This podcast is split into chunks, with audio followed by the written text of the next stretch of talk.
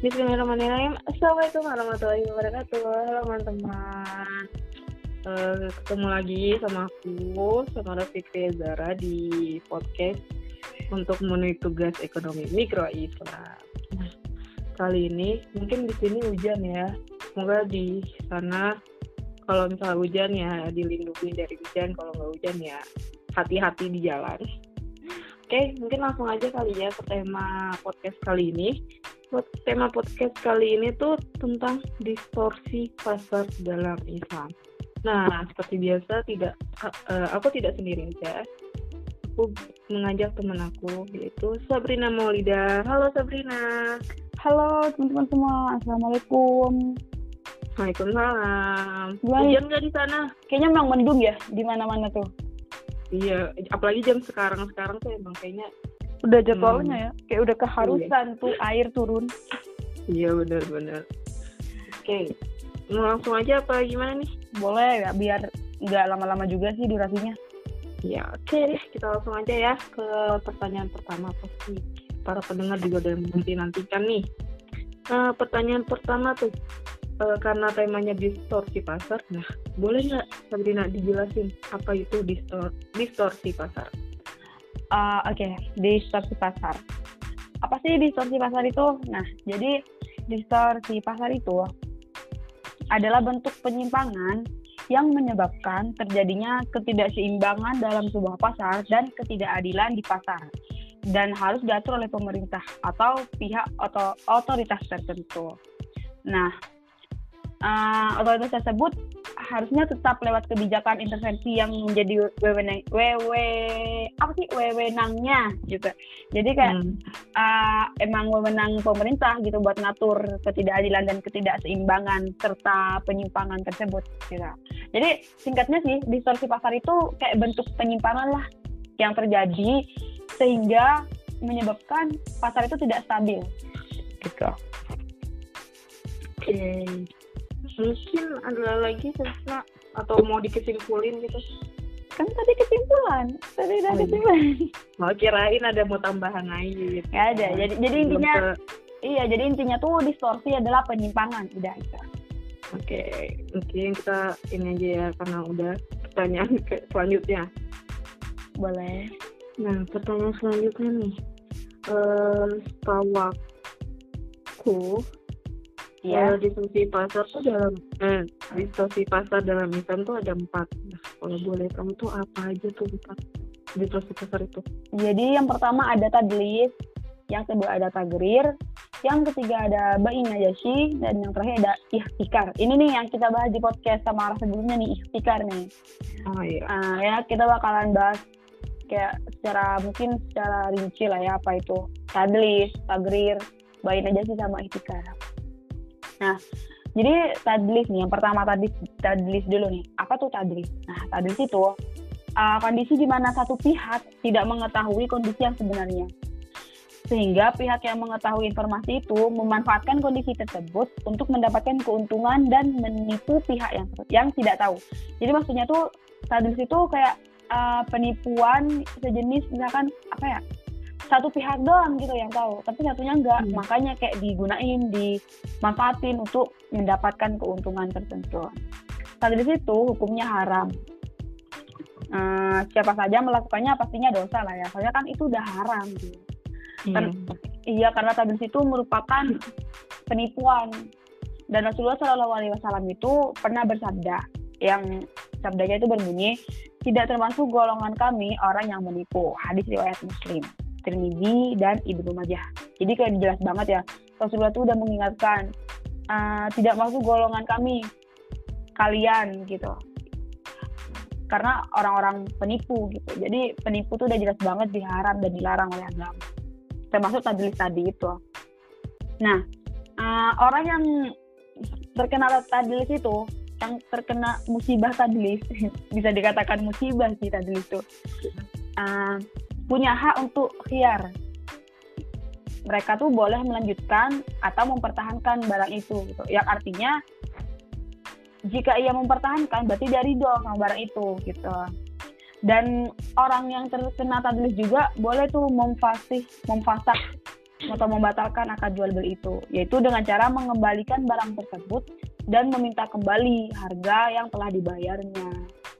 Dan ini juga udah sesuai dengan hadis Nabi yang diriwayatkan oleh Abu Hurairah yang memberikan dua opsi. Insya amsakaho wa insya reddaha. Yang artinya jika ia mau ia boleh mempertahankan dan jika tidak dia boleh mengembalikan gitu. Terus yang selanjutnya itu uh, ada tagrir. Apa itu tagrir? Nah, tagrir atau disebut garar itu adalah uh, kayak semacam apa ya keraguan, tipuan atau tindakan yang bertujuan untuk merugikan orang lain. Jadi garar itu dapat berupa suatu akad yang mengandung unsur penipuan karena tidak ada kepastian baik mengenai ada atau tidaknya objek akad, besar kecilnya jumlah ataupun uh, kemampuan menyerahkan objek yang disebut di dalam akad tersebut. Jadi dalam tagrid itu pembelinya sama penjualnya tuh sama-sama nggak tahu gitu, sama-sama tidak mempunyai informasi. Bedanya tagrid sama tadlis itu, kalau tadlis itu kan tadi uh, pihak pihak A itu tahu tuh apa yang tidak diketahui oleh pihak B. Nah, dalam takdir itu pihak pihak pihak A sama pihak B itu sama-sama tidak tahu dan sama-sama tidak memiliki kepastian mengenai sesuatu barang yang ditransaksikan tersebut kayak gitu. Hmm. Terdapat banyak nih dalil dari hadis yang menunjukkan larangan goron. Kita mungkin akan bahas beberapa doang ya. Nah, iya, iya. hadis dari Abu Hurairah radhiyallahu anhu.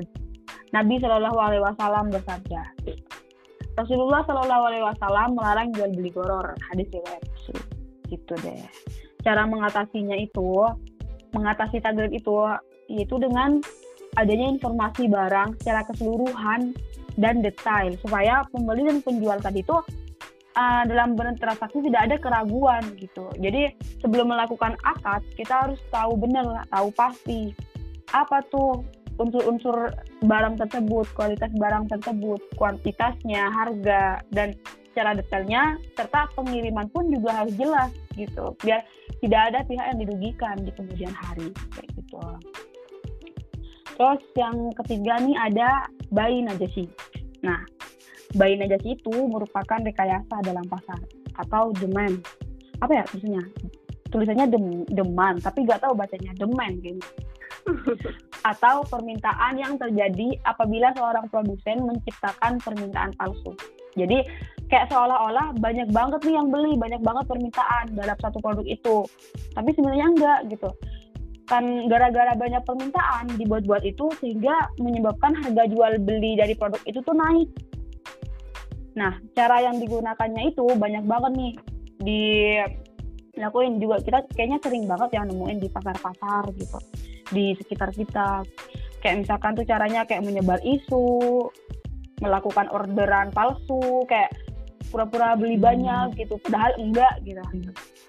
Hingga melakukan hingga melakukan pancingan pancingan nih kepada pembeli supaya sentimen pasarnya itu tercipta gitu.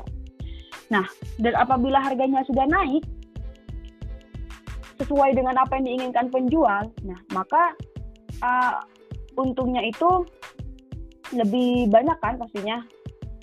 Iya. Jadi penjual itu akan mengambil untung dengan melepas kembali saham yang tadi itu dan uang yang sudah dibeli gitu. sehingga dia akan mendapatkan keuntungan yang sangat besar gitu. Nah, bayi najasi ini hukumnya diharamkan dalam Islam sesuai dengan hadis Rasulullah anhu Shallallahu alaihi wasallam. Eh, oh salah, sesuai dengan hadis Rasulullah Shallallahu alaihi wasallam. Nah, hadis itu tuh berbunyi uh, dalil terlarangnya jual beli semacam ini disebutkan dalam hadis Abu Hurairah yang di situ beliau menjelaskan bahwa Nabi Shallallahu Alaihi Wasallam bersabda, janganlah seorang menjual di atas jualan saudaranya, janganlah melakukan najisi dan janganlah orang kota menjadi calon untuk menjualkan barang orang desa. Hadis riwayat Bukhari Muslim. Itu cara menanggulanginya sih ya kayak tadi itu lebih banyak banyak informasi informasi itu kayak udah paling penting gitu terus ya udah mengetahui segala jenis kualitas kuantitas barang yang akan dibeli atau ditransaksikan yang keempat itu ada istikar apa itu istikar istikar itu menimbun secara umum ketika harga murah kemudian untuk dijual kembali dengan harga yang mahal. Kayak misalkan kita tuh misal harganya lagi murah nih. Terus kita beli semua nih, udah beli semua banyak, nyetok, terus pas barangnya udah gak ada, kita jual. Dengan tujuan untuk mendapat keuntungan besar tanpa melihat kesusahan orang lain, kesusahan saudara kita yang lain. Gitu. Itikar itu merupakan sesuatu yang harus dicegah. Ini harus banget dicegah dalam pasar. Kalau enggak ya bisa merusak ini sih merusak harga pasar jadi tidak stabil gitu. Dasar hukum yang digunakan oleh para ulama fikih yaitu tidak membolehkan ihtikar karena emang udah ada kandungannya sih di dalam Al-Quran udah dijelasin juga dalam Al-Quran uh, hadis juga banyak sih yang ngejelasin pengharaman itikar itu. Misalnya nih salah satu nih dari Ma'mar ia berkata Rasulullah Shallallahu Alaihi Wasallam bersabda Barang siapa yang menimbun barang maka ia bersalah atau berdosa hadis riwayat Muslim. Dalam Al-Quran juga dijelaskan bahwa dilarang keras melakukan penimbunan dan pemusatan kekayaan pada kelompok orang itu aja. Jadi Allah Subhanahu wa taala berfirman dalam Quran surat Al-Hasyr ayat 7 yang artinya apa saja harta rampasan atau fa fai'i yang berikan Allah kepada Rasulnya dari harta benda yang berasal dari penduduk kota-kota Mekah dan untuk Allah, untuk Rasul, kaum kerabat, anak-anak yatim, orang-orang miskin, dan orang-orang yang dalam perjalanan, supaya harta itu jangan beredar di antara orang-orang kaya saja di antara kamu. Apa yang diberikan Rasul kepadamu, maka terimalah. Dan apa yang dilarangnya, maka tinggalkanlah dan bertakwalah kepada Allah. Sesungguhnya Allah amat keras hukum. Gitu deh. Jadi udah jelas banget ya keempat perilaku apa tadi itu distorsi itu dilarang iya. dalam Islam.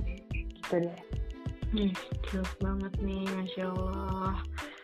Udah ngerti, udah sedikit mengertinya. Oke, okay, mungkin ini pertanyaan terakhirnya tadi kan udah pengertian distorsi, udah uh, apa tuh bahasanya empat distorsi jenis ya bentuk ya? Iya. Nah mungkin sekarang uh, contohnya nih contohnya tiap macam tiap tiap macam distorsi itu apa sih boleh tahu? Hmm, banyak sih contohnya misalkan nih contoh distorsi yang pertama. Uh, apa tadi tuh? Ada yang pertama kita jenis apa ya? Tadlis ya, Tadlis ya. Tadlis.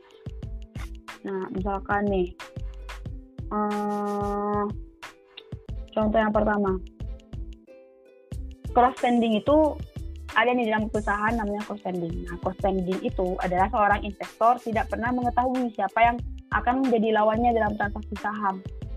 Nah, jika lawannya adalah pialanya sendiri, maka sudah bisa dipastikan bahwa ia akan kalah oleh pialanya sendiri. Karena itu mereka tahu akan mengambil yang ke awal. Oleh karena itu uh, piala mendapatkan untung ganda yaitu fee dan capital gain. Cost standing ini juga mengandung unsur taglis. Soalnya di mana piala terkadang sebagai pihak yang lebih mengetahui mereka tuh juga coba mencoba membodohi kliennya sendiri gitu jadi mereka hmm. tuh menjual kayak mereka tahu tapi klien mereka nggak tahu gitu itu salah satu contoh taglis sih ada juga nih contoh taglis yang lainnya.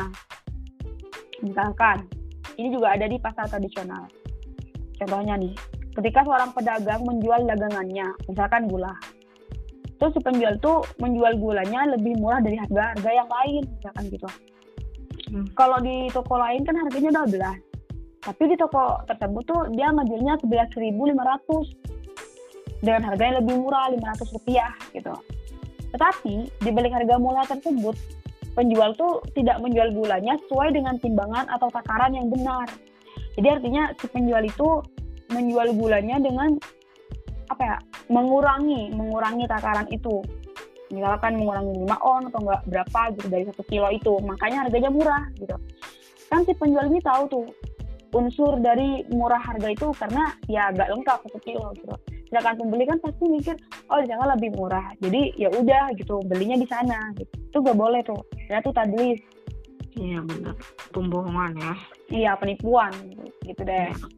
terus contoh yang kedua dari dari goror ya. Hmm. misalkan nih aku ambil contoh yang bisa terjadi dalam pasar industri keuangan nih Nah, contohnya nih, uh, contohnya itu short selling yang sering dibicarakan keabsahannya. Short selling itu cara yang digunakan dalam penjualan saham di mana investor atau trader meminjam dana untuk menjual saham dengan harga tinggi dengan harapan akan membeli kembali dan mengembalikan pinjaman saham ke tadi yang tempat pinjam tadi itu pada saat hmm. saham turun tapi pada saat saham turun. Jadi dia berniat minjam saham buat dijual. Nanti dikembalikannya tuh pas sahamnya turun gitu. Kayak biar dapat untung mungkin ya.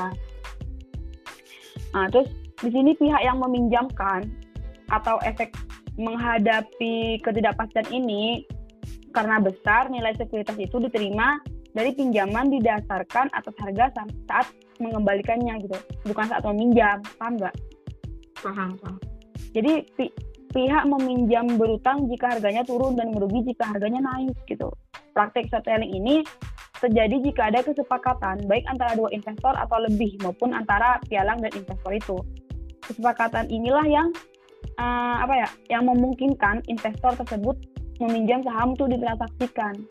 Nah, secara syariah, short selling itu uh, mengandung unsur ketidakpastian, juga tidak memenuhi syariat atau syarat dari objek transaksi yaitu memiliki barang yang ditransaksi.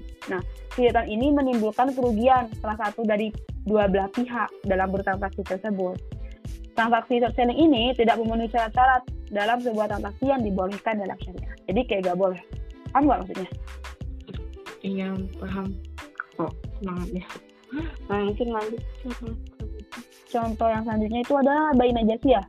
Iya, bayi najasi uh, contohnya itu um, apa ya?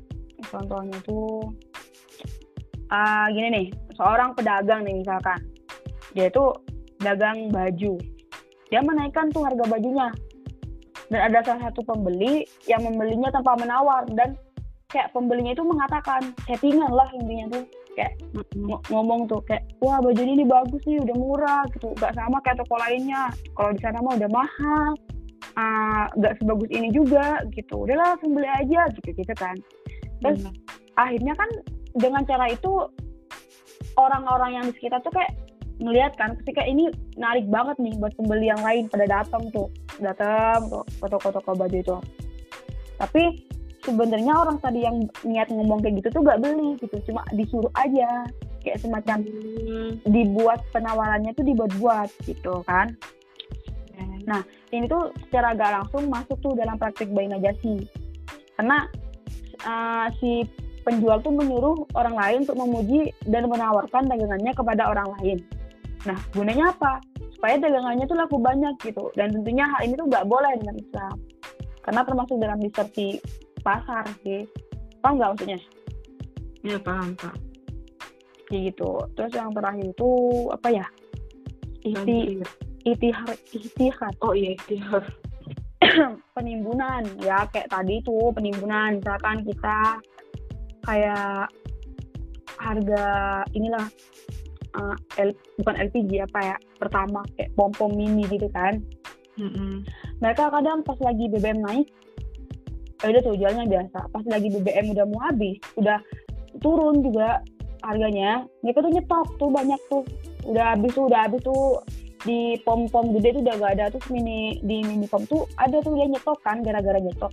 Jadinya dia jual lebih mahal tuh tanpa mikirin tuh kesusahan dari saudara-saudaranya. Tuh gak boleh kayak gitu. So ini contoh itihar paham nggak? Kayak misal kayak sekarang aja gitu masker gitu kan ya. Iya benar tuh masker tuh kayak gitu. Kan lagi krisis kan orang-orang udah pada butuh gitu. Mm-mm, malah dijual mahal gitu kan. Iya bener banget tuh sedih banget Oke, mungkin ada lagi Sabrina? Uh, kan udah tuh bahas dari contoh apa pengertian distorsi, terus uh, distorsi dalam Islam ada empat, beserta contoh-contohnya gitu kan. Mm-hmm. Terus uh, yang harus kita tahu nih, bagaimana sih peranan negara dalam mengatasi distorsi pasar Islam? Menurut kamu penting nggak kita mengetahui mengetahui apa tuh peranan negara? Oh, penting banget lah, apalagi kita di suatu negara gitu kan. Iya benar. Jadi ada enam sih yang bisa aku simpulkan. Hmm. Yang pertama itu adanya pengawasan yang ketat nih dari pihak berwenang. Jadi pemerintah tuh juga harus mengawasi dalam pasar itu supaya tidak terjadi distorsi gitu kan. Iya. Terus yang kedua itu adanya informasi yang update dan lengkap supaya pembeli ataupun baik pembeli ataupun penjual tidak apa ya tidak kekurangan lah tidak kekurangan informasi tentang apa yang bakal mereka transaksiin gitu. Terus yang ketiga itu ada regulasi harga. Nah, regulasi harga ini bisa dilakukan dalam keadaan tertentu nih yang berpegang pada keadilan. Karena regulasi harga itu harus mengundang eh kok mengundang harus mengandung tiga fungsi yaitu ekonomi, fungsi ekonomi, fungsi sosial, sama fungsi moral gitu. Terus cara mengatasi distorsi dalam pasar Islam itu keempat larangan ikhtikar juga. Terus yang kelima juga larangan berbuat yang seperti tadi kayak uh, tagrir, goror gitu. Supaya Islam tuh melarang semua distorsi gitu. Terus yang terakhir, ya tadi itu yang terakhir itu uh, 5 sama 6 sama sih kayak melarang semua distorsi pasar yang disengaja serta menghukum tuh menghukum pelaku pasar yang melakukannya gitu deh. Gitu masya Allah deh jadi tambah ini tambah ilmu ini banyak banget ilmunya iya alhamdulillah. Hmm. mungkin udah udah Bri Sabrina? Udah segitu aja sih Kak, udah disimpulin juga kan udah cukup jelas sih menurut aku. Iya semoga masuk ya ilmunya. Iya amin. Oke mungkin eh, makasih dari Sabrina yang udah mau menjelaskan panjang lebar. Semoga sehat selalu ya Bin. Amin. Sama ada juga kawan-kawan sekalian yang mendengarkan juga. Ya, oke. Makasih Sabrina. Mungkin eh podcast dari kita kali ini kita sudahi dan eh ambil yang baiknya, yang kurangnya lupain aja. oke, eh, tunggu podcast kita selanjutnya. Oke, eh, mungkin dari aku sekian dan assalamualaikum warahmatullahi wabarakatuh. Waalaikumsalam warahmatullahi wabarakatuh